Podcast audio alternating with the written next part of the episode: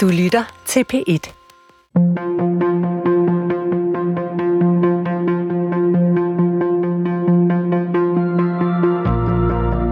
Hvad kan vi bruge en næsten 2.000 år gammel samling tekster til? Kan vi overhovedet forstå os selv, uden at læse Bibelen? Christian Let mener, at Bibelen er verdens vigtigste bog. Lauke Hendriksen læser den for første gang. Og sammen gennemgår de historierne, der stadig former vores bevidsthed og forsøger at finde ud af, hvad de betyder for os i dag. Velkommen til Bibelen Let Fortalt.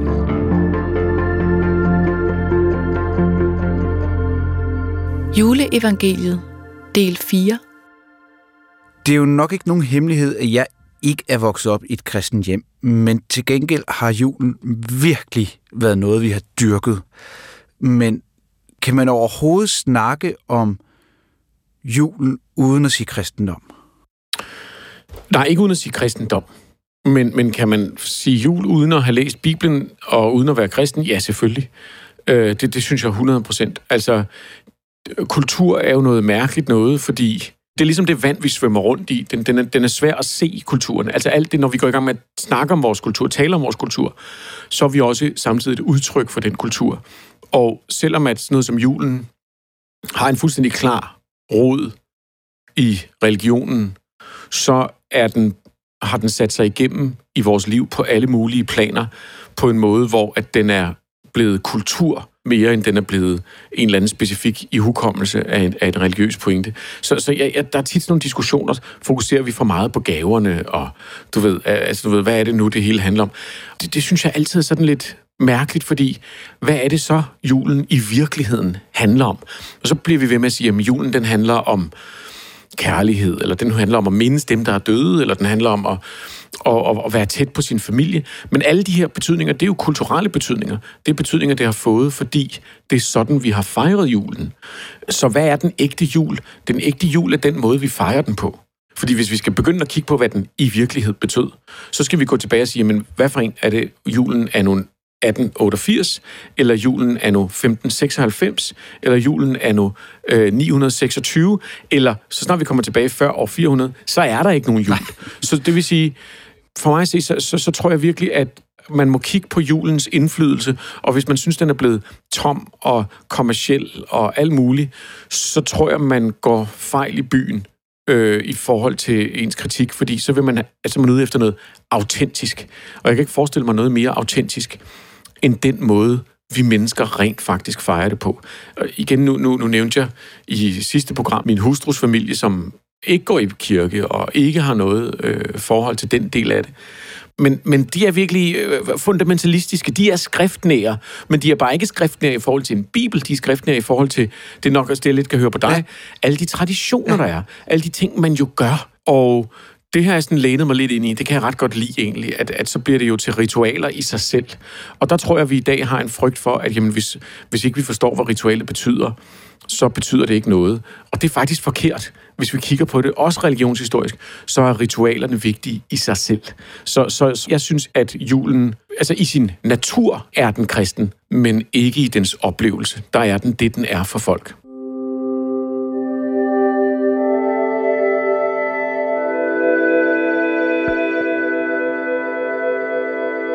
De tekster, vi tager os af, det er Lukas evangeliet kapitel 1 og 2, og det snakker vi også om i sidste episode. Men, men super kort, så er det jo Lukas øh, juleevangelie, og det er, Josef og Maria tager fra Nazareth til Bethlehem, og da de er der, der går Maria i fødsel og føder Guds søn, Jesus Kristus, som hun ligger i en krybe i en lade, fordi der var ikke plads til dem, at de kunne overnatte i herberget.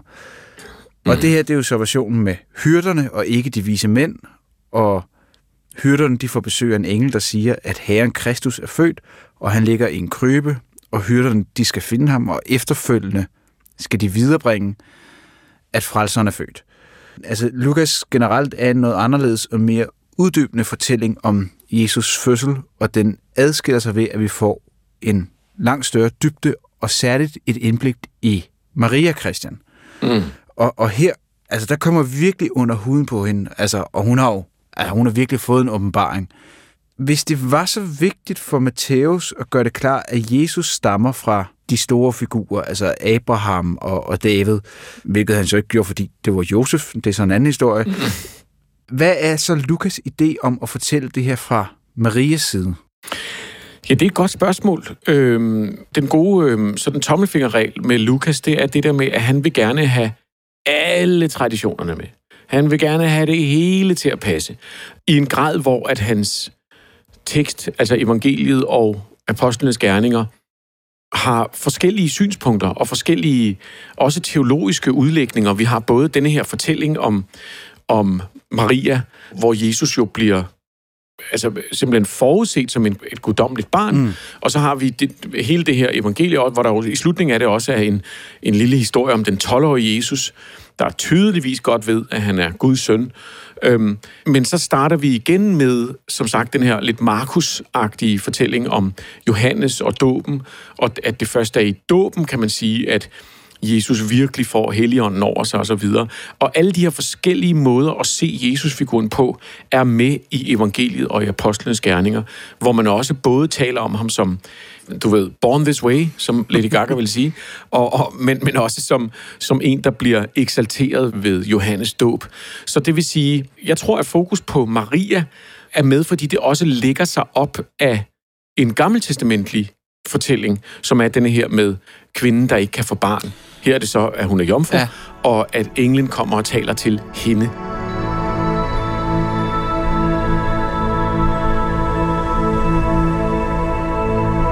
Da Elisabeth var i 6. måned, blev englen Gabriel sendt fra Gud til en by i Galilea, der hedder Nazareth, til en jomfru, der var forlovet med en mand, der hed Josef og var af Davids hus. Jomfruens navn var Maria, og englen kom ind til hende og hilste hende med ordene. Herren er med dig, du benåede. Hun blev forfærdet over de ord og spurgte sig selv, hvad denne hilsen skulle betyde. Der sagde englen til hende, Frygt ikke, Maria, for du har fundet noget for Gud. Se, du skal blive med barn og føde en søn. Du skal give ham navnet Jesus. Han skal blive stor og kaldes den højeste søn, og Gud, Herren, skal give ham hans fader, Davids trone. Han skal være konge over Jakobs hus til evig tid, og der skal ikke være ende på hans rige. Maria sagde til englen, Hvordan skal det gå til? Jeg har jo aldrig været sammen med en mand. Englen svarede hende, Helligånden skal komme over dig, og den højestes kraft skal overskygge dig. Derfor skal det barn, der bliver født, også kaldes helligt, Guds søn. Også din slægtning Elisabeth har undfanget en søn, nu i sin alderdom. Hun, om hvem man siger, at hun er ufrugtbar, er i 6. måned, til intet er umuligt for Gud.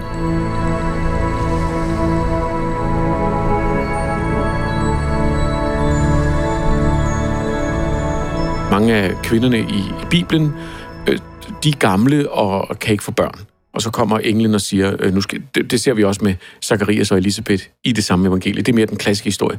Maria har aldrig været med en mand.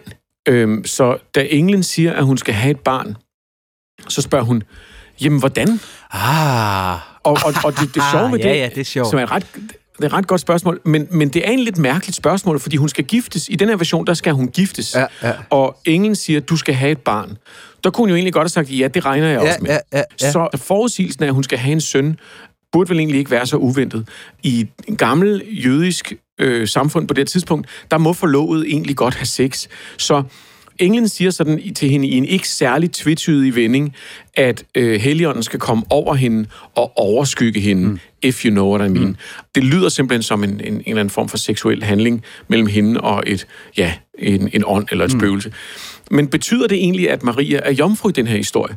Øhm, der står heller ikke, at Josef og hende ikke har sex efterfølgende. Det står der meget utvetydigt i Matteus evangeliet.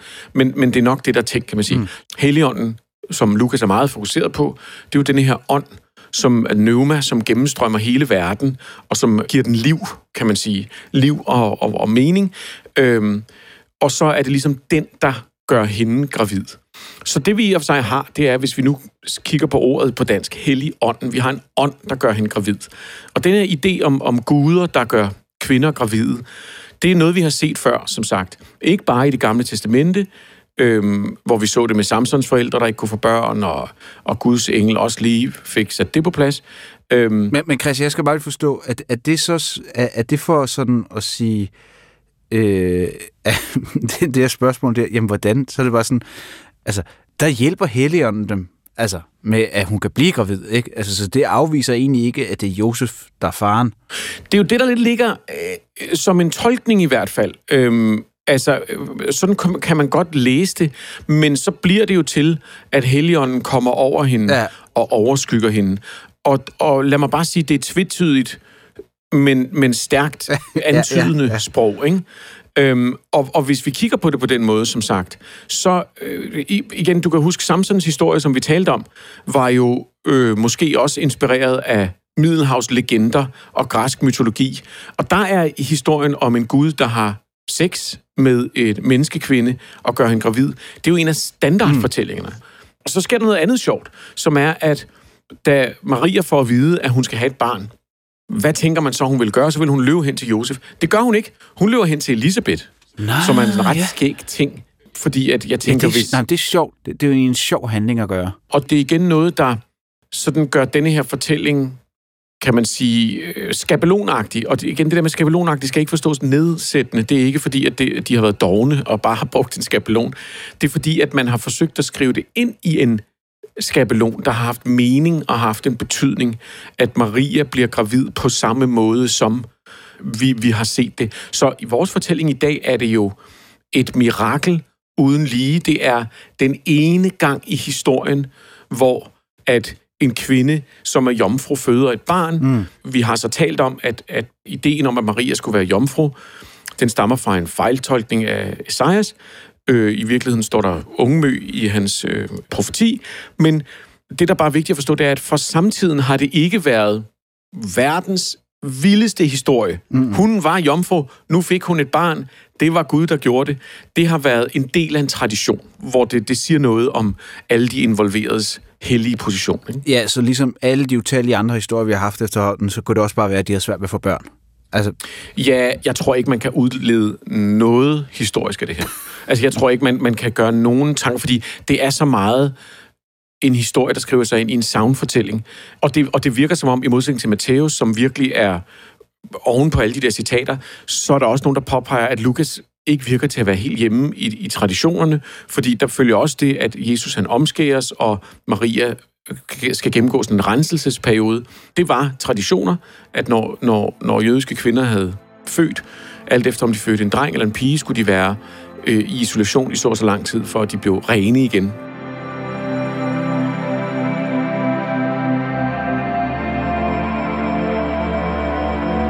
Da otte dage var gået, og han skulle omskæres, fik han navnet Jesus, som han var blevet kaldt af englen, før han blev undfanget i moders liv. Da deres renselsesdage i henhold til Moseloven var gået, tog de ham med op til Jerusalem for at bære ham frem for Herren, som der står skrevet i Herrens lov. Alt det første af mandkøn, der kommer ud af moderlivet, skal helliges Herren. Og for at bringe offer, sådan som det er foreskrevet i Herrens lov, et par turtelduer eller to dueunger.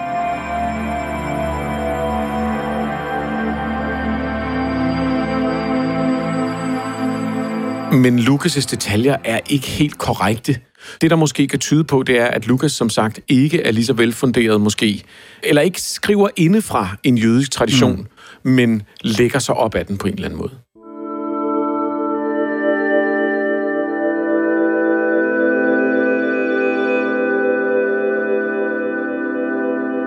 Og så kan man måske også sige, at Lukas, øh, eller Lukas karakter har måske også lidt øh, hukommelsesproblemer nogle gange. Fordi i den sidste del af, af Lukas kapitel 2, og, og der springer vi ret meget tid. Jesus er blevet 12 år, og de er taget til Jerusalem til påskefesten. Og, og da de så rejser hjem, så tager Jesus ikke med det rejse selvfølgelig hjem, og det, og det finder de så først ud af, når de er kommet afsted.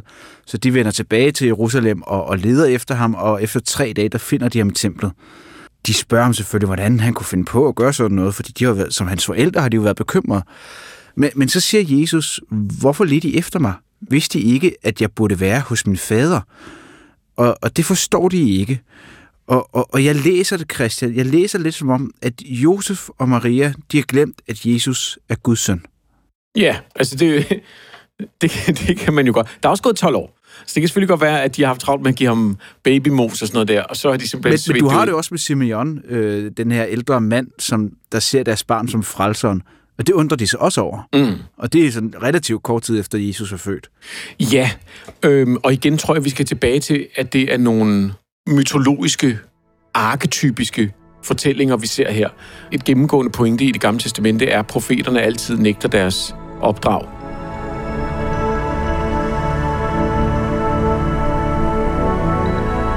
I Jerusalem var der en mand ved navn Simeon. Han var retfærdig og from og ventede Israels trøst. Helligånden var over ham, og den havde åbenbaret for ham, at han ikke skulle se døden, før han havde set Herrens salvede. Tilskyndet af ånden kom han til templet, og da forældrene kom ind med barnet Jesus for at gøre med ham, som det var sædvane efter loven, tog han barnet i sine arme og lovpriste Gud. Herre, nu lader du din tjener gå bort med fred efter dit ord, for mine øjne har set din frelse, som du har beredt for alle folk. Et lys til åbenbaring for hedninger og en herlighed for dit folk Israel. Hans farmor undrede sig over det, der blev sagt om ham, og Simeon velsignede dem og sagde til Maria, hans mor, Se, dette barn er bestemt til fald og oprejsning for mange i Israel, og til at være et tegn, som modsiges. Ja, også din egen sjæl skal et svær gennemtrænge, for at mange hjerters tanker kan komme for en dag.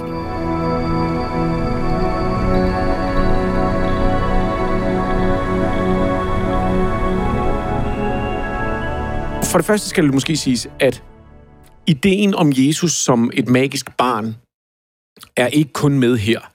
Den, den, den er kun med her i forhold til Bibelen. Den er, der er ikke noget andet overhovedet i det nye testamente om, hvor vild Jesus var som barn.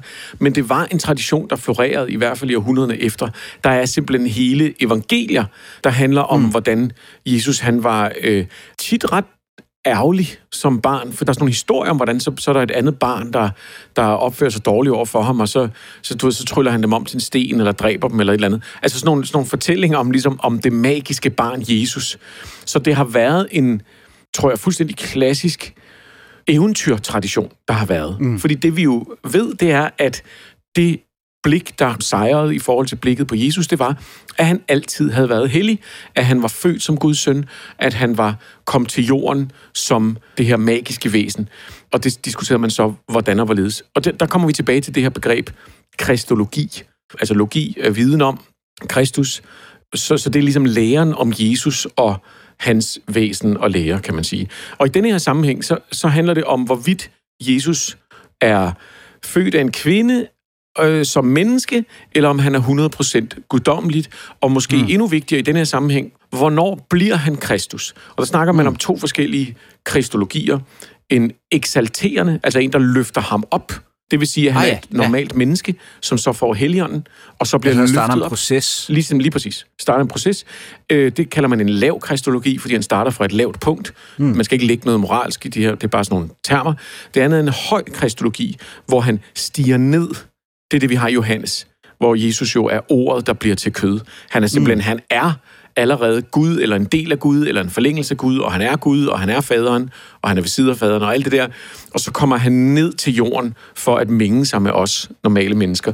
Lukas han vil som sagt gerne have det hele med, så han har både fortællingen om Helligånden, der kommer og fortæller, at sådan er det forudset, og det er det, der er sket. Altså, Lukas går ikke lige så langt som Johannes. Han har ikke den samme idé om, at han har altid været der, og han vil altid være der, og han var der før, øh, du ved, for evigt. Men Johannes siger alligevel, at han var der før mig, og så får vi så den samme scene som i Markus, og det er i kapitel 3. Det skete, da hele folket lod sig døbe, og også Jesus blev døbt. Og mens han bad, at himlen åbnedes, og helligånden dalede ned over ham, igen det der over ham, mm. i læmelig skikkelse som en due, og der lød en røst fra himlen, du min elskede søn, i dig har jeg fundet velbehag. Det vil sige, der har vi pludselig alligevel den samme fortælling om, at vi både har en, en 12-årig Jesus, der fuldstændig ved, hvad man er, allerede er Messias, men alligevel har vi den her øh, eksaltationskristologi, hvor at en, en eller anden fyr, der hedder Jesus, går hen og bliver døbt, og i det han bliver døbt, kommer Helligånden ja. ned og udnævner ham til Guds søn.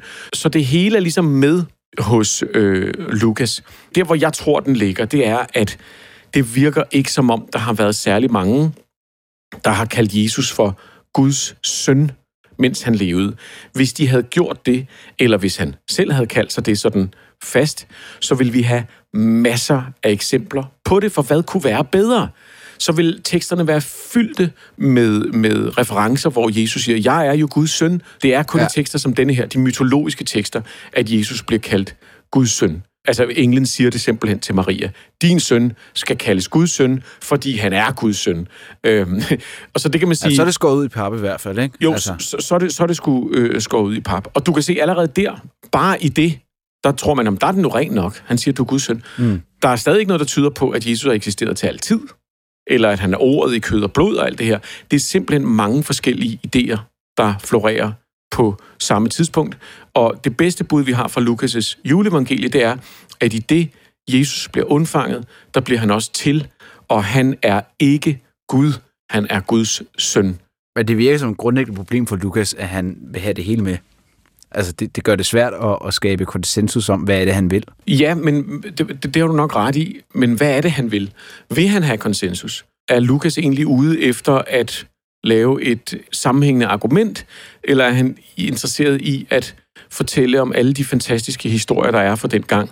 Lukas' metode er jo at sige, prøv at høre, vi har dem alle sammen med, fordi de giver alle sammen mening. Og på den måde, det man jo også gør ved at gøre det, det er, at man annullerer sekterne. Man, man, mm. man annullerer behovet for at skille sig ud, eller melde sig mm. ud af kirken, eller blive til noget andet. Ikke? Ja.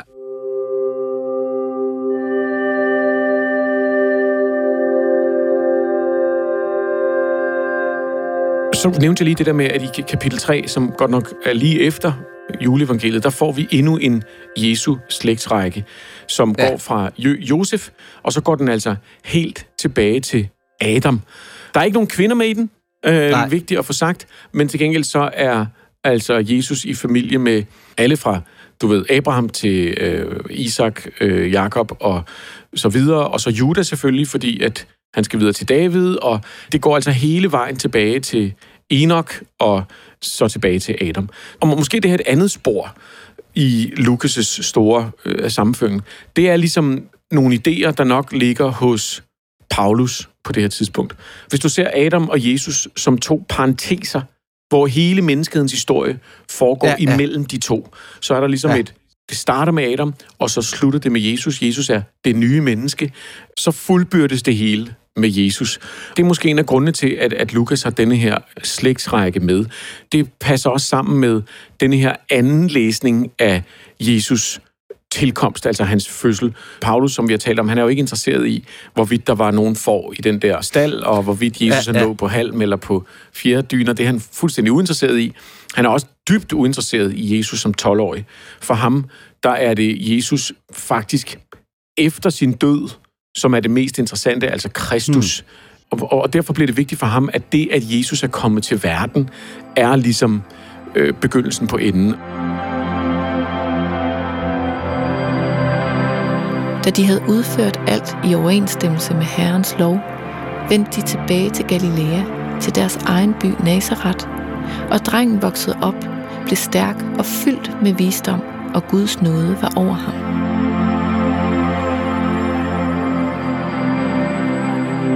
I øh, Paulus' brev til øh, kolossenserne, som er lidt diskuteret om, hvorvidt det er ægte øh, Paulus, men det er i hvert fald et, et tidligt brev. Der har vi, og det har vi talt om før, at Paulus citerer nogle gange det, der virker sig at være salmer eller tekster, mm. som højst sandsynligt har været den første form for evangelie, vi har, som har været sådan nogle bønder ja, ja, ja. og sådan ramser, ja. man har haft. Og det kan vi se ved, at vi læser hans tekst, og pludselig ændrer de karakter og begynder at være på verseform, og så går de tilbage mm. igen. Og det er tit sådan nogle trosbekendelser nærmest. Og der er den her ramse, hvor han siger, han er den usynlige Guds billede, al skabnings førstefødte. I ham blev alting skabt i himlene og på jorden, det synlige og det usynlige, troner og herskere, magter og myndigheder. Ved ham og til ham er alting skabt. Han er forud for alt, og alt består ved ham. Og det lyder jo mere som Johannes, end det lyder som Lukas. Så det vil sige... Ja, der er vi tilbage til det, der var med ordet. Og, og, ja. Vi er simpelthen tilbage til en, det, man kalder en høj kristologi. Ideen om, at ja, Jesus ja. Øh, Kristus er et eller andet form for guddommelig instans, som besøger jorden og befrier os alle sammen. Så man kan sige, Lukas evangeliet er på en eller anden måde, selvom det er skrevet efter Paulus' breve, en ned på jorden igen fortælling. Det er sådan en slags, hvad nu hvis det var et eventyr? Hvad nu hvis det var en, en, en fortælling om en engel, der kom, og en jomfru, der sad i løn, og så videre. Hvad nu hvis det var de her ting i stedet for? Så, så der er sådan en, en meget skæg bevægelse i det her, hvor at det startede altså ikke med Matthæus og Lukas evangeliet. Det er den fortælling, vi har om jul i dag. Det, det startede med en meget mere kompleks idé om Kristus fødsel som en eller anden form for Guds indgriben i verden. Men, men skal vi så ikke prøve, Christian, her nu, når, når vi ligesom har taget de to juleevangelier, øh, og, og prøve at sammenligne dem. Så hvad er de store forskelle? Altså sådan, jeg hælder nok mere til en smule til Lukas, men det er mere sådan holdningsmæssigt. Jeg synes, der er lidt mere eventyr over det. Det slog mig bare den der med, hvor store de her forskelle egentlig er, og hvor meget jeg op i mit hoved har sat det hele sammen til en historie. Mm. Men måske er det sande juleevangelie egentlig det, som du kom med i starten. Altså måske er, er det sande... Her taler vi om en historie, som alt andet lige har en større betydning som myte, end den har som teologi. Mm. Øh, ja, jomfrufødslen kom til at betyde vildt meget. Jomfru Maria-dyrkelsen har været en kæmpe portion af den katolske kirke specielt. Men vi har at gøre med en, en historie om, hvordan det gik til i de dage, som der står i, i, i Lukas evangeliet. Ja. Så på en eller anden måde synes jeg, at lige præcis her, der er trods alle de her øh, dekonstruktioner, vi har lavet her over de her fire programmer, så synes jeg på en måde, at den rigtige julehistorie, det er den, vi synger. Det er simpelthen et, et eksempel på, hvordan savn udvikler sig. At det, vi står og synger, er jo sådan en slags resume af det, mm. vi kan huske, nogen har fortalt mm. om et eller andet. Og det er ikke, fordi det er falsk eller forkert. Det er på en eller anden måde meget smukt, synes jeg. Så i dag kan vi netop tale om Jesus barnet, og vi kan tale om Jomfru Maria og Josef som flygtning. Det er en af de moderne fortællinger, som nogen vi skal tage os af. Ja. Julen er blevet en historie om empati og om medmenneskelighed. Og for mig at se, så er det jo det, der er julehistorien i dag. Det vigtige her er ikke at forsøge at komme ind til det ægte juleevangelie. Det er at huske det bedste eventyr på en eller anden måde. Fordi det er det, der samler os. Så når jeg går rundt med familien øh, og synger Et barn er født i Bethlehem, så, så stussede jeg bare over, at, at det var meget sjovt. Vers 3, der siger de, han lavtes i et kryberum. Og hvis du så hopper til vers 4, så, og Østens vise offret der. Og mm. ud fra det, vi har snakket om, så vil jeg sige, at det første, vers 3, det er for Lukas evangeliet, og det, vi hørte i vers 4, det er for Matteus evangeliet. Det er fuldstændig rigtigt her. Så allerede der, der har vi jo en sammenblanding. Nu har vi nævnt det mange gange, at Josef og Maria ikke kunne finde rum på herberget. Der står et ord som på græsk, som kan forstås som hus eller logi, men det er blevet til en hel historie om, hvordan de kommer hen og bliver afvist, og de, du ved... Ja, og fordi... det er sjovt, fordi det er sådan, jeg husker det. Ja. Jeg husker det som om, at de banker på døre og sådan, nej, heller ikke her, ja, du er ikke videre. Og det, ja. og det er jo en skøn historie, og den, det, jeg tror også, det er en historie, vi kan forstå, for der er mennesker, der går rundt derude, og det bliver så til en historie, som vi kan fortælle, og som er en julehistorie. Men på en måde synes jeg, netop som du siger, det er et rigtig godt eksempel, et barn er født i Bethlehem, som er et miskmask af de to forskellige evangelier, det er sådan, vi skal huske julen. Altså, det, det er sådan, vi skal huske juleevangeliet. Det er derfor, at, at enhver af os, du og jeg, med vores forskellige baggrund i det her, og også kristne, og også folk, der kommer et helt andet sted fra, de vil kunne fortælle julehistorien, hvis deres børn i selskab siger, hvad, hvad er julehistorien? Jamen, det er den med Jesus, da han blev født af en jomfru, og du ved, altså, så vil man kunne fortælle den historie. Og det er på en måde så langt væk fra, øh, resten af evangelierne, at det har en særstatus, og det skal det egentlig også bare have. Det her var det sidste afsnit af Bibelen Let Fortalt i den her omgang.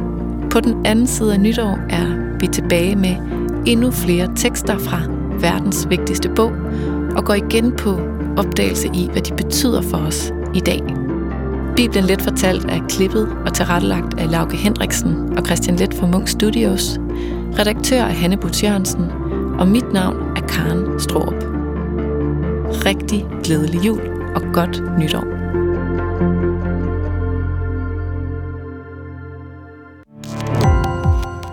Gå på opdagelse i alle DR's podcast og radioprogrammer. I appen DR Lyd.